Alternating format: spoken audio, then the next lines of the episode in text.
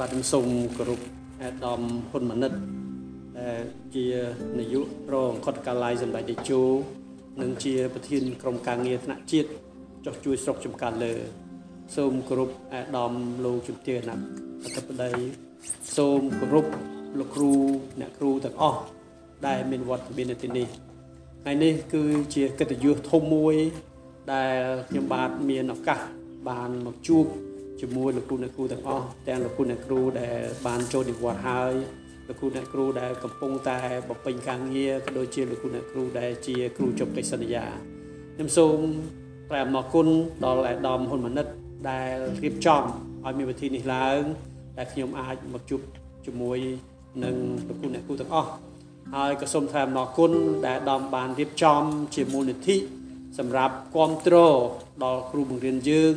ហើយក៏ជួយក្នុងការសាងសង់នៅអគារសិក្សាផ្សេងផ្សេងក៏ដូចជាជួយគ្រប់គ្រង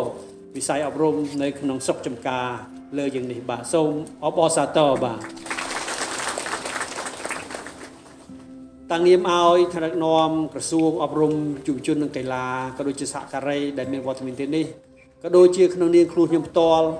ខ្ញុំសូមសម្ដែងនៅកតញ្ញុតាធម៌យ៉ាងជ្រាលជ្រៅជូនចំពោះលោកគ្រូអ្នកគ្រូទាំងអស់ រួមទាំងលោកគ្រូអ្នកគ្រូដែលបានចូលនិវត្តន៍ក៏ដូចជាលោកគ្រូអ្នកគ្រូកំពុងតែបំពេញបេសកកម្មនាពេលបច្ចុប្បន្នក្នុងការផ្ដល់សេវាអប់រំដល់សិស្សសានុសិស្សរបស់យើងបាទទាំងលោកគ្រូអ្នកគ្រូក្របខ័ណ្ឌក៏ដូចជាលោកគ្រូអ្នកគ្រូជាប់កិច្ចសន្យាដែលបានខិតខំប្រឹងប្រែងអស់ពីកម្លាំងកាយចិត្តក្នុងការបណ្ដុះបណ្ដាលបង្រៀនក៏ដូចជាក្នុងការអប់រំឲ្យយុវជនយើង ឲ្យសិស្សានុសិស្សកូនចៅយើង មានចំណេះដឹង មានបំណិនដើម្បីคลายជាធនធានល្អសម្រាប់កម្ពុជាយើង សូមអបអរសាទរចំពោះគុណបំណាច់នេះបាទដូច្នេះយើងខ្ញុំទាំងអស់គ្នាជាថ្នាក់នាំក្រសួងអប់រំយុវជននិងកីឡាមិនភ្លេចពីគុណបំណាច់ដ៏ថ្លៃថ្លានេះទេ ជាពិសេសលោកគ្រូអ្នកគ្រូដែលបានចូលនិវត្តន៍ហើយដែលបានបំពេញការងារនៅក្នុងលក្ខខណ្ឌដ៏លំបាក នៅពេលដែលកម្ពុជាយើងជួបនឹងសង្គ្រាមនៅក្នុងទសវត្សរ៍ទី80ដូច្នេះទោះបីជាយើងបានរំដោះកម្ពុជាឲ្យផុតពីរបបប៉ុលពតមែនប៉ុន្តែនៅទីកន្លែងមួយចំនួននៃប្រជាកម្ពុជានៃខេត្តកំពង់ចាមក៏ដូចជាស្រុកចង្កាលើក៏មានបញ្ហាសន្តិសុខខ្លះដែរប៉ុន្តែហើយម្យ៉ាងវិញទៀតនៅក្នុងបរិបទនៃសង្គ្រាមដែលបន្ត នៅក្នុងកម្ពុជានេះគឺស្ថានភាពជីវភាពរបស់លោកគ្រូអ្នកគ្រូมันស្រួលដូចឥឡូវទេក៏ប៉ុន្តែលោកគ្រូអ្នកគ្រូបានខិតខំប្រឹងប្រែងបណ្ដុះបណ្ដាលធនធានមនុស្សហើយកូនសិស្សជាច្រើនចំនួនរបស់លោកគ្រូអ្នកគ្រូបានคลายទៅជាបញ្ញវន្តបានคลายទៅជាធនធានមនុស្សសម្រាប់កម្ពុជា បានខ្លាយទៅជាអ្នកធុរកិច្ច ហើយដែលបានចូលរួមចំណែកនៅក្នុងការអភិវឌ្ឍកម្ពុជាបាទដូច្នេះក្រោមការដឹកនាំរបស់សម្ដេចតេជោជាពិសេសគឺក្នុងឆ្នាំ1998ដោយអនុវត្តនៅគោលនយោបាយឈ្នះឈ្នះសម្ដេចបានបញ្ចប់ទាំងស្រុងនៅសង្គ្រាមនៅកម្ពុជាអញ្ចឹងដោយលោកគ្រូដោយលោកគ្រូអ្នកគ្រូជាស្រាប់ហើយនៅឆ្នាំនៅខែវិនា ឆ្នាំ1970បាទបន្ទាប់ពីមានរដ្ឋប្រហារទម្លាក់សម្ដេចព្រះសីហនុបាទខេត្តកំពង់ចាមទាំងមូលក៏ចាប់ដើមសង្គ្រាមយ៉ាងពេញទំហឹងហើយសង្គ្រាមនេះអូសបន្លាយក្នុងរយៈពេល5ឆ្នាំ បន្ទាប់មកគឺរបបប៉ុលពតដែលកាប់សម្លាប់ប្រជាជន ហើយទោះបីជាយើងរំដោះពិតមែនក៏ប៉ុន្តែសង្គ្រាមតូចតូចនៅបន្តដែលមានលក្ខណៈជាសង្គ្រាមស្បែកខ្លា ដូច្នេះការបញ្ចប់សង្គ្រាមនេះហើយនេះក៏ជាលើកទី1ហើយដែលលោកគ្រូអ្នកគ្រូជាស្រាប់គឺយើងមានសន្តិភាពជាង20ឆ្នាំបាទអញ្ចឹងយើងតែងតែគិតពីទសវត្សរ៍ទី60ដែលនៅពេលនោះក្រោយពីការទទួលបានឯករាជ្យពីបារាំងយើងមានឱកាសអភិវឌ្ឍប្រទេសតែ15ឆ្នាំទេក៏មានសង្គ្រាមឥឡូវនេះគឺជាលើកទី1ហើយនៅក្នុងប្រវត្តិសាស្ត្រកម្ពុជាក្នុងរយៈពេលជាច្រើនរយឆ្នាំ ដែលយើងមានសុខសន្តិភាពជាង20ឆ្នាំក្រោមការដឹកនាំរបស់សម្ដេចតេជោ ហើយដែលលោកនៅបន្តជាឆ្អឹងខ្នងនៃសន្តិភាពនៃការអភិវឌ្ឍនៃកម្ពុជា ដោយមានការអភិវឌ្ឍនេះយើងឃើញថាជីវភាពរបស់ប្រជាជនយើងកាន់តែធូរធារទៅហើយធនធាននៅក្នុងប្រជាជាតិកម្ពុជា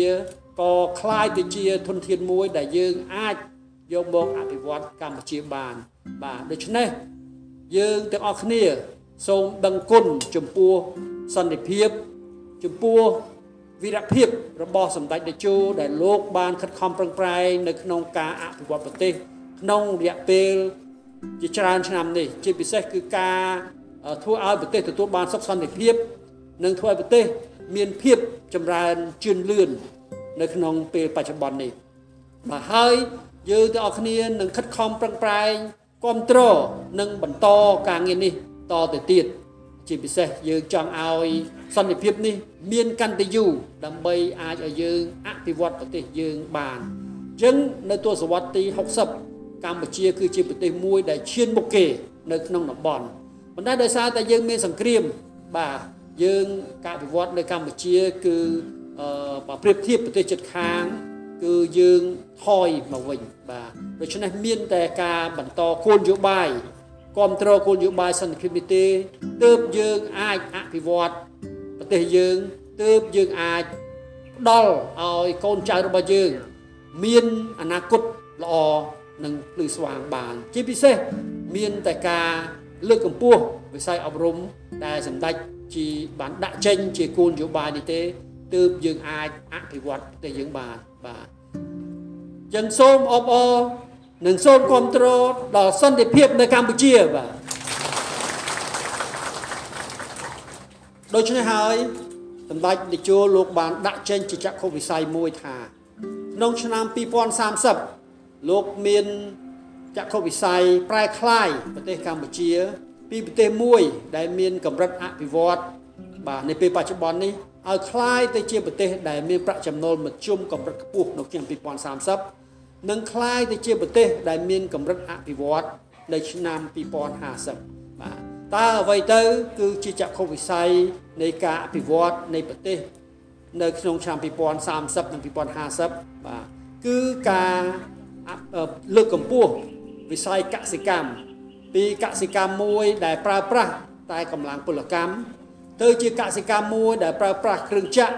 ដែលជាកសិកម្មមួយដែលយើងហៅថាកសិឧស្សាហកម្មដោយយកធនធាននៅក្នុងប្រទេសដូចជាពោតស្រូវល្ងបាទយកមកកែច្នៃជាធនធានសម្រាប់និងពាក់កណ្ដាលសម្រាប់ដើម្បីបំរើដល់ការតម្រូវការរបស់ប្រជាជនយើង និងដើម្បីលើកកម្ពស់ការនាំចេញទៅក្រៅប្រទេស ដើម្បីអភិវឌ្ឍវិស័យទេសចរបាទពីវិស័យទេសចរមួយសាមញ្ញបាទទៅវិស័យទេសចរមួយ ដែលមានកម្រិតខ្ពស់ជាងមុនលើកកម្ពស់ការអភិវឌ្ឍវិស័យឧស្សាហកម្មដើម្បីកែច្នៃផលិតផលនៅក្នុងស្រុក បាទផលិតគ្រឿងចក្រផ្សេងផ្សេងដើម្បីបម្រើឲ្យប្រជាជន លើកកម្ពស់វិស័យសេវាកម្មដើម្បីធ្វើយ៉ាងណាឲ្យសេដ្ឋកិច្ចប្រទេសយើងអាច คล้ายទៅជាសេដ្ឋកិច្ចដែលមានប្រសិទ្ធភាពខ្ពស់បាទក្នុងគោលដៅលើកកម្ពស់ជីវភាពប្រជាជន បង្កើនប្រាក់ចំណូលហើយបន្តបង្កើនប្រាក់បៀវត្សទៀតដើម្បីឆ្លើយតបទៅនឹងចក្ខុវិស័យនេះនៅក្នុងនីតិកាលទី5ក៏ដូចជានៅក្នុងនីតិកាលទី6នាពេលបច្ចុប្បន្ននេះក្រសួងអប់រំយុវជននិងកីឡាបានដាក់ចេញជាកំណែតម្រង់វិស័យអប់រំដែលមានសសរស្តម្ភទី1គឺការលើកកម្ពស់ ទួនាទីគ្រូបង្រៀននៅក្នុងសង្គមរបស់យើង តាមរយៈការដំឡើងប្រាក់បៀវត្សដល់គ្រូបង្រៀនការជួយគ្រប់គ្រងដល់គ្រូបង្រៀនបាទដូច្នេះហើយទើបក្នុងរយៈពេលប្រមាណជាជាង7ឆ្នាំកន្លងទៅនេះប្រាក់បៀវត្សមធ្យមរបស់គ្រូបង្រៀនយើង បានកើនឡើងជាង3ដង ហើយនេះក៏ជាលើកទី1ហើយដែលយើងឃើញថាប្រាក់បៀវត្សបានកើនឡើង គឺសម្ដេចបានដាក់ចេញជាចក្ខុវិស័យថាបាទពីពេលមុន គឺនៅពេលដែលយើងមានថវិកាយើងផ្ដោតទៅលើការវិនិយោគលើហេដ្ឋារចនាសម្ព័ន្ធការសាងសង់ផ្លូវការសាងសង់អឺហៅថាប្រព័ន្ធទឹកក៏ដូចជាការសាងសង់ហេតុហេតុរាជាសម្ព័ន្ធដូចជាភ្លើងជាដើមតែនៅក្នុងអាណត្តិទី5និងទី6នេះគឺការអភិវឌ្ឍធនធានមនុស្សគឺជាអតិភិបទី1 ដូច្នេះហើយទើបសម្ដេចបានសម្រេចដំឡើងប្រតិវត្តរបស់គ្រូបង្រៀនអញ្ចឹងយើងឃើញថាក្នុងឆ្នាំ1900 2013កន្លងទៅ គឺប្រតិវត្តអបបរមារបស់គ្រូយើងគឺមានត្រឹមតែ40ម៉ឺនទេឥឡូវនេះគឺជាង1លានបាទដូច្នេះនេះគឺជាការអនុវត្តជាក់ស្ដែង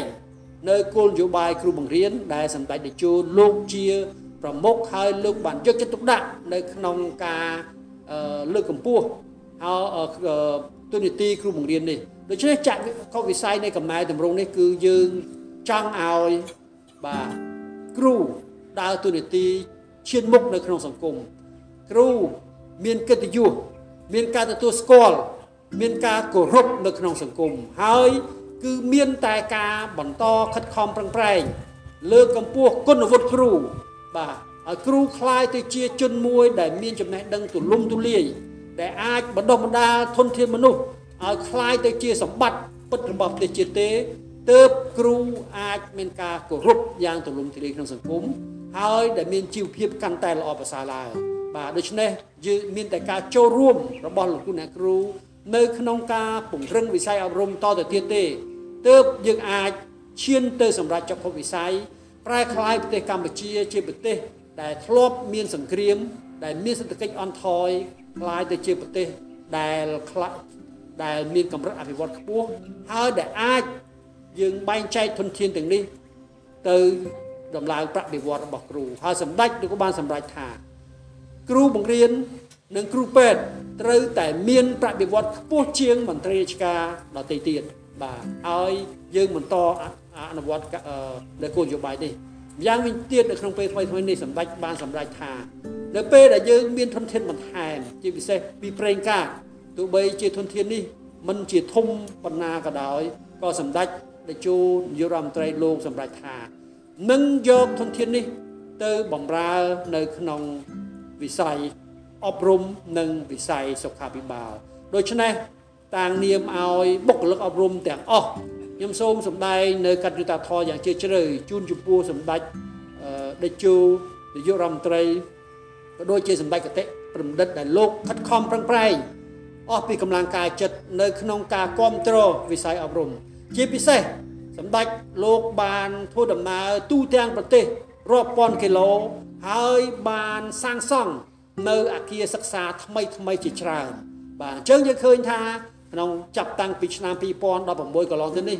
អាគារសិក្សាជាច្រើនបានផុសឡើង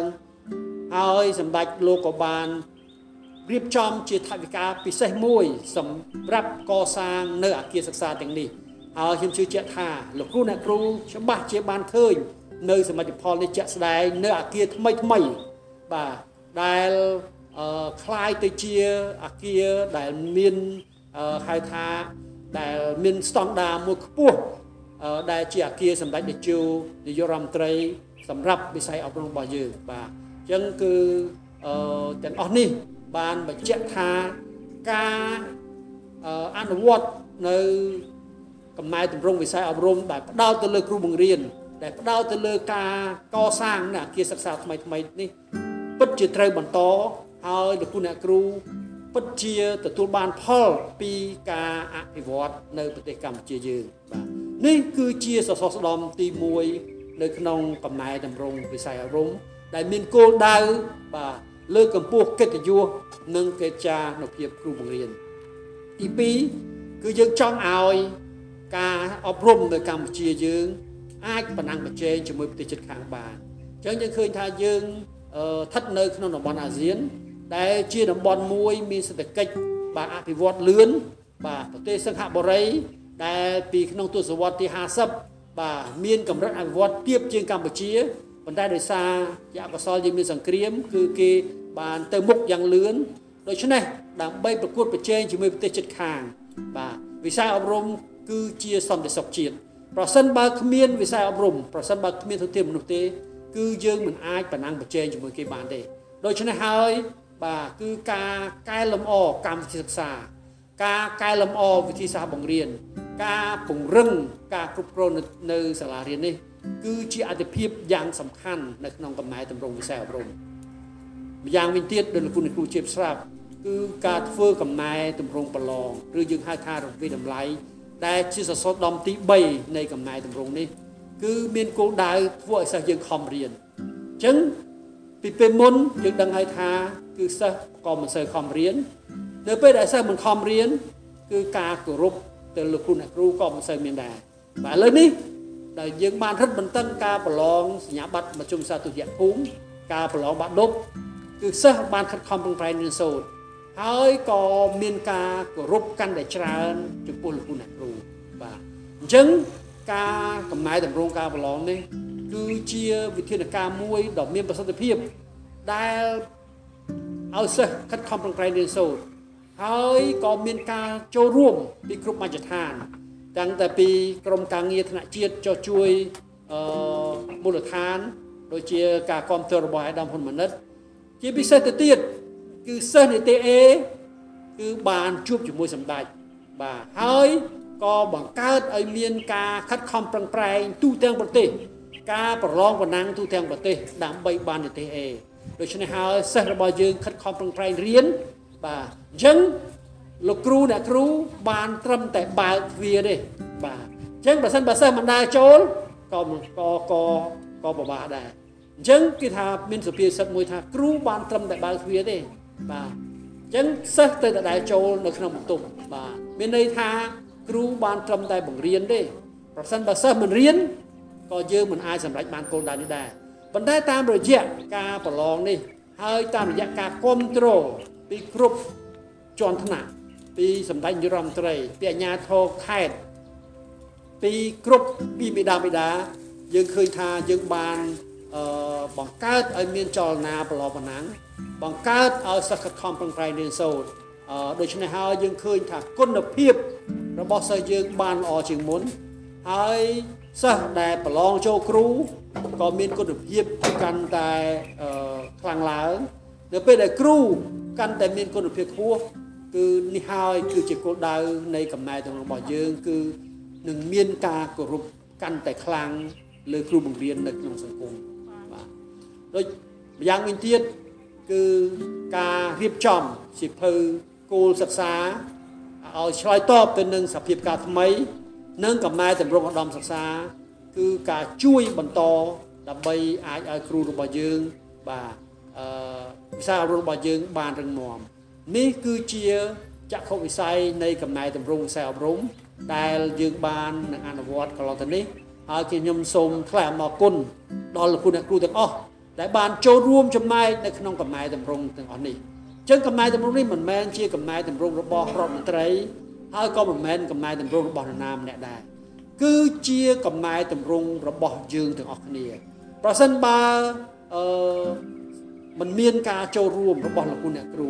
របស់នាយកប្រសិនបើមិនមានការគ្រប់គ្រងពីបិតាបិតាប្រសិនបើមិនមានការគ្រប់គ្រងពីសិស្សានុសិស្សប្រសិនបើមិនមានការគ្រប់គ្រងពីក្រុមការងារប្រសិនបើមិនមានការគ្រប់គ្រងពីអាជ្ញាធរគ្រប់លំដាប់ថ្នាក់ខេត្តស្រុកឃុំបាទភូមិ គឺយើងអត់បានអាចបានសម្រេចការងារនេះទេគឺការសាមគ្គីជាទ្រង់មួយនេះហើយដែលធ្វើឲ្យយើងបានសម្រេចជាពិសេសគឺលោកគុណអ្នកគ្រូគឺជាអ្នកដឹកនាំនៅក្នុងថ្នាក់រៀនគឺជាអ្នកផ្ដល់សេវាកាន់តែល្អទៀតបាទដូច្នេះគឺមានតែការបន្តពង្រឹងការគ្រប់គ្រងនៅក្នុងសាលារៀន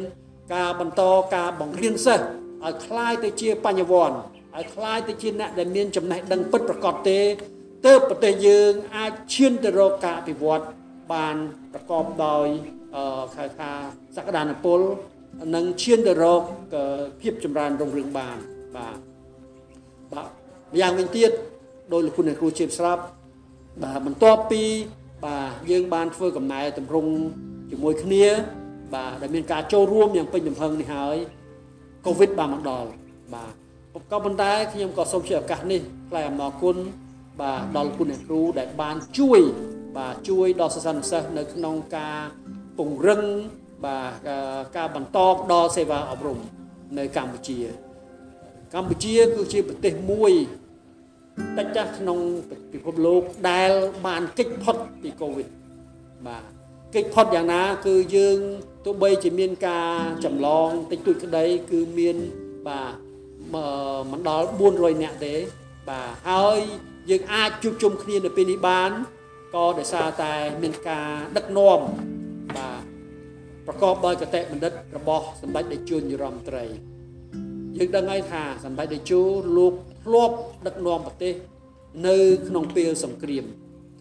ជំងឺ Covid គឺជាសង្គ្រាមធំមួយហើយសង្គ្រាមនេះគឺជាសង្គ្រាមកម្រិតពិភពលោកបាទ Covid វាយលុកទូទាំងពិភពលោក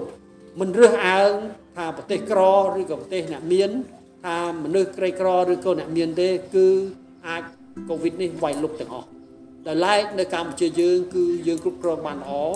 ហើយអាចថាជាប្រទេសលំដាប់ទី1ឬក៏ទី2ក្នុងពិភពលោកដែលគ្រប់គ្រងជំងឺ Covid ได้ល្អមូលហេតុអ្វីដោយសារគឺជាការបត់ពិសោធន៍របស់សម្ដេចតេជោនៅក្នុងការគ្រប់គ្រងប្រទេស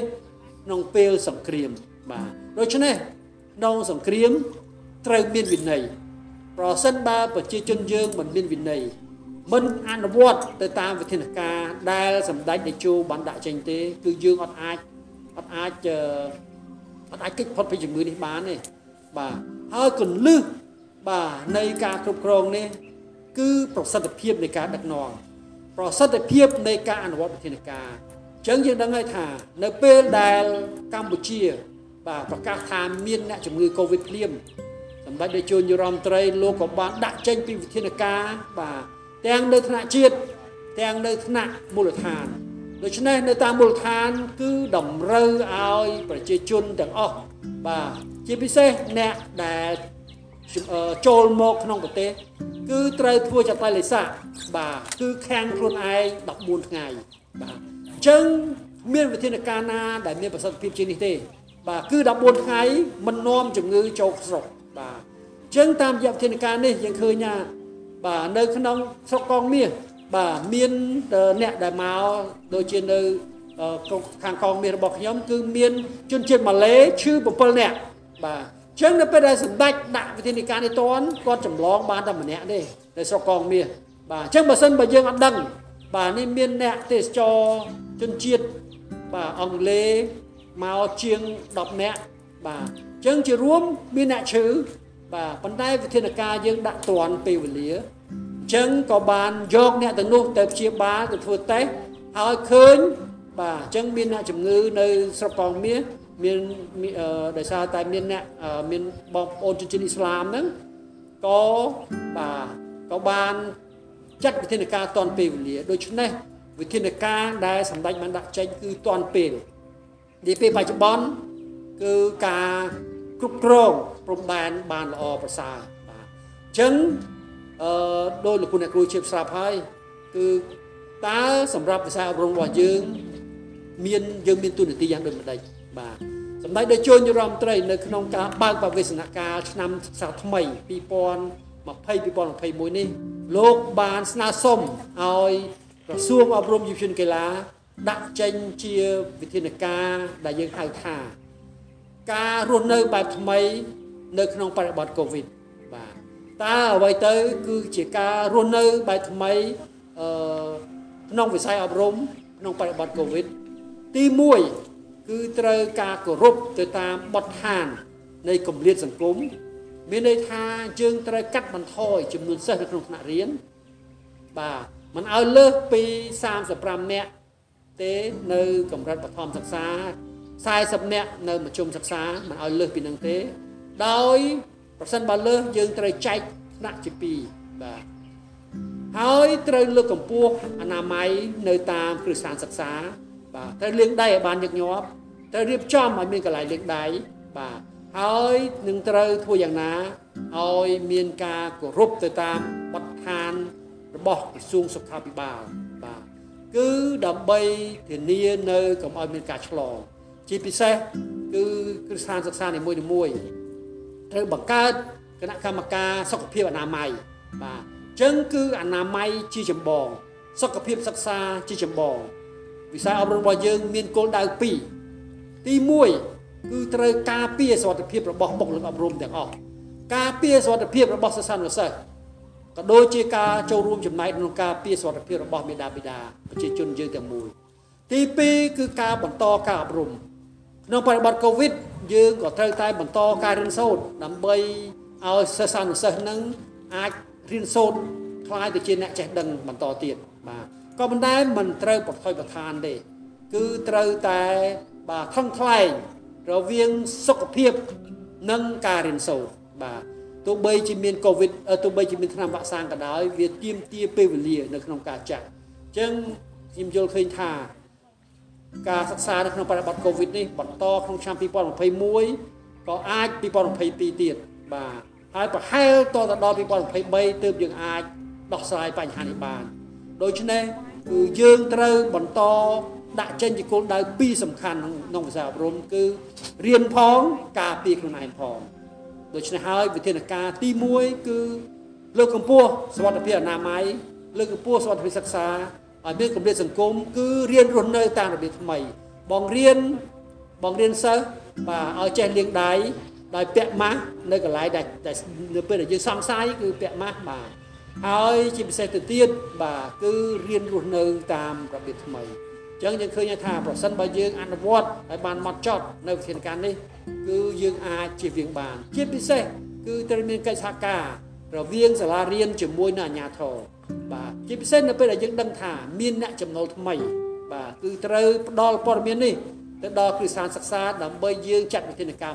បង្ការគ្មានវិធានការណាដែលមានប្រសិទ្ធភាពជាងនេះទេ បាទព្រោះអីប្រសិនបើជំងឺនេះមកដល់នៅក្នុងសហគមន៍យើងហើយពិបាកនៅក្នុងការបាទនៅក្នុងការការពារណាស់ដូចជានៅពេលបច្ចុប្បន្នគឺកំពុងតែវាយលុកនៅក្នុងប្រទេសថៃមូលហេតុអី គឺប្រទេសថៃនៅជាប់ភូមាអញ្ចឹង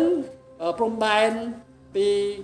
ថៃជាមួយភូមាពិបាកនឹងការគ្រប់គ្រងបាទមានភូមិព្រំដែនវែងពិបាកគ្រប់គ្រងទាំងទឹកទាំងគោកហើយភូមាជាប់ឥណ្ឌាជាប់បង់ក្លាដេសដែលជាប្រទេសដែលមានកូវីដបាទឥណ្ឌាទី3ក្នុងពិភពលោកបាទដូច្នេះហើយយើងឃើញថាប្រសិនបើយើងគ្រប់គ្រងមិនបានប្រសិនបើគ្មានការចូលរួមពីពីយើងទាំងអស់គ្នាទេគឺយើងមិនអាច គ្រប់គ្រងកូវីដនេះបានទេគឺមានតែការចូលរួមរបស់គ្នាជាពិសេសគឺគ្រឹះស្ថានសិក្សាជាមួយនឹងសហគមន៍គ្រឹះស្ថានសិក្សាជាមួយនឹងអាជ្ញាធរបាទទៀមទាននៅការផ្ដល់ព័ត៌មានឲ្យបានឲ្យបានហើយបង្កើតជាគណៈកម្មការនៅតាមគ្រឹះស្ថានសិក្សាដើម្បីធានាបាននៅសុខភាពបាទដើម្បីធានាបាននៅសុខភាពរបស់យើងទាំងអស់គ្នាទី2បាទសមាជិកទី2នៃអឺការរស់នៅបែបថ្មីក្នុងវិស័យអប់រំ ក្នុងបរិបទកូវីដនេះបាទគឺការអនុវត្តការបង្រៀនតាមកម្មវិធីពង្រួញបាទកម្មវិធីពង្រួញទៅលោកគ្រូអ្នកគ្រូជាភាសាហើយនៅកម្រិតបឋមសិក្សាគឺយើងជឿរឿងមុខវិជ្ជាភាសាខ្មែរនិងគណិតវិទ្យាជាមុខវិជ្ជាហៅថាកតាបកិច្ចដែលត្រូវបង្រៀនពេញម៉ោងបាទអញ្ចឹងភាសាខ្មែរយើងអត់អាចបង្រៀនចោះចោះបានទេត្រូវបង្រៀនពេញម៉ោងដែលឡែក មុខវិជ្ជាផ្សេងទៀតគឺជាមុខវិជ្ជាជំរឿសបាទដែលយើងអាចបង្រៀនបត់បែនបានដែលយើងបង្រៀនហៅថាក្នុងខ្លឹមសារកាត់បន្ថយបាន ដោយសារតែយើងត្រូវបែងចែកវេនសិស្សជាពីរវេនមួយវេនរៀន3ថ្ងៃហើយមួយវេនទៀតរៀន2ថ្ងៃក្នុងមួយសប្តាហ៍អញ្ចឹងដោយសារអីគឺកាត់បន្ថយចំនួនសិស្សកុំឲ្យកក់កុញពេកកុំឲ្យនៅសាលារៀនគឺគឺថាអឺ ពិបាកនឹងគ្រប់គ្រងចំនួនសិស្សបាទអញ្ចឹងប្រសិនបើមានជំងឺឆ្លងមកគឺពិបាកនឹងគ្រប់គ្រងចេះគឺការរៀនរស់នៅរបៀបថ្មីនេះហើយដូច្នេះមានតែការបង្រៀនតាមកម្មវិធីពង្រួញនេះទេ គឺអាចកាត់បន្ថយហានិភ័យបាន គឺនៅកម្រិតបឋមមជ្ឈមសិក្សាអឺជាពិសេសយើងផ្ដោតទៅថ្នាក់ទី9ទី12ដែលត្រូវដែលរៀនឲ្យបានពេញលេញបាទ ហើយថ្នាក់ផ្សេងទៀតក៏យើងអនុវត្តតាមកម្មវិធីពង្រួញដែរបាទជាពិសេសគឺរៀនមុខវិជ្ជាសំខាន់សំខាន់ហ្នឹងពេញលេញប៉ុន្តែមុខវិជ្ជាផ្សេងទៀតជាមុខជាជំរឿសដើម្បីធ្វើយ៉ាងណាអាចឲ្យយើងបន្តទាំងការរៀនផង បន្តទាំងការរក្សានៅកម្រិតសង្គមផងលើកកម្ពស់អនាម័យផងនេះជាការមួយថ្មីសម្រាប់បុគ្គលិកអប់រំរបស់យើង ប៉ុន្តែក៏យើងបានអនុវត្តបានយ៉ាងល្អដែរទី3គឺយើងបន្តការអប់រំ digital ដែលកន្លងមកលោកគ្រូអ្នកគ្រូមួយចំនួនក៏បានបាទអឺក្រសួងក៏បានរៀបចំឲ្យមានការថតមុខវិជ្ជាការបង្រៀនបាទដែលដែលយើងថតហើយបាទយើងចាក់ផ្សព្វផ្សាយតាមប្រព័ន្ធ Facebook តាមប្រព័ន្ធ YouTube ក៏ដូចជាការបង្កើតឲ្យមានអឺ ទូរទស្សន៍មួយយើងហៅថា Digital TV ហ្នឹងដែលទូរទស្សន៍ Digital បាទដែលចាក់ផ្សាយនៅការបង្រៀនអញ្ចឹងលោកគ្រូអ្នកគ្រូបានឃើញហើយថាអឺកមេរៀនអាម៉ានដំបងថ្នាក់ទី1ទី2កណិតដំបងអញ្ចឹងមានលោកគ្រូយើងបានជ្រើសរើសគ្រូដែលជាគ្រូល្អហើយដែលបែបបង្រៀនដែលអាចជួយអឺបង្រៀនសិស្សបន្ថែមបំពេញបន្ថែមទៀតបាទឥឡូវនេះបាទការបង្រៀនរបៀបនេះគឺនឹងជួយ បាទដាក់ជួយអនុវត្តនៅវិធីសាស្ត្របង្រៀនតាមបែបចម្រុះមានន័យថាឲ្យសិស្សធ្វើស្វ័យសិក្សាផងហើយដែលរៀននៅក្នុងថ្នាក់រៀនផងគឺអឺហើយក៏សូមជាឱកាសនេះដែរដើម្បីថ្លែងអំណរគុណដល់លោកគ្រូអ្នកគ្រូដែលបានខិតខំប្រឹងប្រែងប្រើប្រាស់នៅបច្ចេកវិទ្យាដើម្បីបង្រៀនសិស្សបាទអញ្ចឹងទេយើងដឹងហើយថានៅក្នុងបរិបទកូវីដនេះបាទយើងអាចជួបជុំគ្នាបានបានទេ ដូច្នេះមានតែបាទការប្រើប្រាស់បច្ចេកវិទ្យាហើយដែលរួមផ្សំនេះហើយ បាទទើបយើងអាចជួយសិស្សបន្តរៀនសូត្រទៀតបន្តធ្វើស្វ័យសិក្សាទៀតក្នុងបរិបទថ្មីនេះគឺការរៀនពីចម្ងាយតាមបែបប្រពៃណីមានន័យថាការប្រើឯកសារបាទក៏ដូចជាការថតបាទមេរៀនដែលឲ្យសិស្សបាទមើលការរៀនអឺ តាមទូរទស្សន៍ក្តីក៏ដូចជាការរៀនដោយប្រើប្រាស់នៅកុំព្យូទ័រឬក៏ទូរស័ព្ទដៃក្តីនេះ គឺជាផ្នែកមួយនៃការបង្កើតឲ្យមានការរស់នៅបែបថ្មីសម្រាប់វិស័យអប់រំនៅក្នុងបរិបទកូវីដនេះបាទដូច្នេះខ្ញុំមានជំនឿជឿជាក់ថាបើសិនបើយើងទាំងអស់គ្នាខិតខំប្រឹងប្រែងទាំងអស់គ្នា ក្រោមការដឹកនាំប្រកបដោយគតិបណ្ឌិតរបស់សម្ដេចនាយកនាយរដ្ឋមន្ត្រី យើងពិតជាអាចបាទពិតជាអាចឆ្លងកាត់បាទវិបត្តិកូវីដទាំងអស់គ្នា ប្រកបដោយជោគជ័យហើយកម្ពុជាយើង ដែលធ្លាប់តែមានសង្គ្រាម បាទអញ្ចឹងយើងដឹងហើយថាយើងធ្លាប់មានសង្គ្រាមអញ្ចឹងប្រសិនបើកូវីដនេះមកវាយលុកបាទគឺយើងនឹងបាទយើងនឹងគេថានឹងមានគ្រោះមហន្តរាយធំដូចមុនអញ្ចឹងបាទព្រោះកូវីដនេះគឺដូចជាសង្គ្រាមអញ្ចឹង ដូច្នេះមានតែការអនុវត្តតាមអនុសាសន៍និងការណែនាំរបស់សម្ដេចនាយរដ្ឋមន្ត្រីទេបាទទើបយើងអាចបាទឆ្លងផុតកូវីដនេះទាំងអស់គ្នាបាន ពីព្រោះថាបាទនៅក្នុងបរិបទកូវីដនៅក្នុងបរិបទសង្គ្រាមនេះ គឺការអនុវត្តទៅតាមបទបញ្ជារបស់ប្រមុខរដ្ឋាភិបាល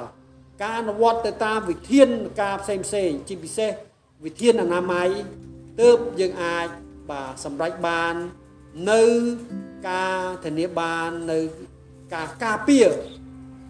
ពីកូវីដទំព្រមតែយើងមានថ្នាំការពារឬមួយក៏មានវ៉ាក់សាំងចាក់ការពារបាទបាទសរុបមកវិញខ្ញុំសូមថ្លែងអំណរគុណសាជាថ្មីបងទៀតដល់លោកគ្រូអ្នកគ្រូទាំងអស់ដែលបានខិតខំប្រឹងប្រែងបម្រើការងារនៅក្នុងវិស័យអប់រំ ទាំងលោកគ្រូអ្នកគ្រូដែលចូលនិវត្តន៍ទាំងលោកគ្រូអ្នកគ្រូដែលកំពុងតែបំពេញភារកិច្ចហើយកម្ពុជាកូនចៅចំនួនក្រោយក្រសួងអប់រំចងចាំជានិច្ចនៅវិរភាពរបស់លោកគ្រូអ្នកគ្រូដែលបានខិតខំប្រឹងប្រែងចំណាយអស់កម្លាំងកាយចិត្តនៅក្នុងការបង្រៀនសិស្សហើយសាជាម្ដងទៀតខ្ញុំសូមថ្លែងអរគុណដល់សម្ដេចតេជោដែលលោកបានខិតខំប្រឹងប្រែងដំឡើងប្រាក់បៀវត្សជូនលោកគ្រូអ្នកគ្រូ គ្រូបង្រៀនរបស់យើងឲ្យមានជីវភាពសមរម្យហើយយើងសង្ឃឹមថាការបន្តការអនុវត្តកំណែតម្រង់នេះនឹងជួយលើកកម្ពស់កិត្តិយសកិច្ចចារភាពរបស់គ្រូបង្រៀនហើយជាពិសេសគឺការបន្តសាងសង់អគារនឹងធ្វើឲ្យវិស័យរបស់យើងឈានមុខឲ្យកម្ពុជាយើងនឹងคล้ายទៅជាប្រទេសដែលមានកម្រិតអភិវឌ្ឍពិតប្រាកដបាទជាទីបញ្ចប់ ខ្ញុំសូមថ្លែងអំណរគុណដល់អាដាមហ៊ុនម៉ាណិតបាទហើយក៏សូមជូនពរសូមអាដាមមានសុខភាពល្អហើយបន្តជួយគ្រប់គ្រងវិស័យអប់រំនៅក្នុងសុខចំការលើតទៅទៀតបាទខ្ញុំសូមជូនពរដល់លោកគ្រូអ្នកគ្រូទាំងអស់សូមមានសុខភាពល្អនឹងទទួលបានជោគជ័យនៅក្នុងការកំណែតម្រង់ក៏ដូចជានៅក្នុងការ អភិវឌ្ឍធនធានមនុស្សរបស់យើង ដើម្បីឲ្យប្រែក្លាយស្រុកចំការលើនេះ បាទដែលមានធនធានធម្មជាតិសម្បូរបែបដែលយើងអាចអភិវឌ្ឍឲ្យបានជឿនលឿនបាន ហើយមានតែធនធានមនុស្សទេដែលជាកត្តាมันអាចខ្វះបាន នៅក្នុងការអភិវឌ្ឍប្រទេសជាតិសូមជូនពរលោកអ្នកគ្រូមានសុខភាពល្អនិងទទួលបានជោគជ័យ បាទថ្មីថ្មីថែមទៀតនឹងសំប្រកបតែគុណពរទាំង4ប្រការគឺអាយុវណ្ណៈសុខៈនិងពលៈកំបីគ្រីគ្រីឡើយបាទខ្ញុំសូមអរគុណដែរដែលថ្ងៃនេះអាយដាមហ៊ុនមនិតលោកបានរៀបចំថវិកាមួយចំនួន សម្រាប់លោកគ្រូអ្នកគ្រូក្នុងថ្ងៃនេះបាទគឺខ្ញុំមានតែសភៅទេដែលនាំមកអាយដាមហ៊ុនមនិតលោកបានឧបត្ថម្ភដល់ សាលាស្រុកចំការលើ3លានរៀលឧបត្ថម្ភសាលាឃុំទាំង8 50ម៉ឺនរៀលឧបត្ថម្ភអង្គភាព3នៅក្នុងអង្គភាពមួយមួយ50ម៉ឺនរៀលនិងឧបត្ថម្ភអឺសម្រាប់លោកគ្រូអ្នកគ្រូជានាយកនាយិកាលោកគ្រូអ្នកគ្រូ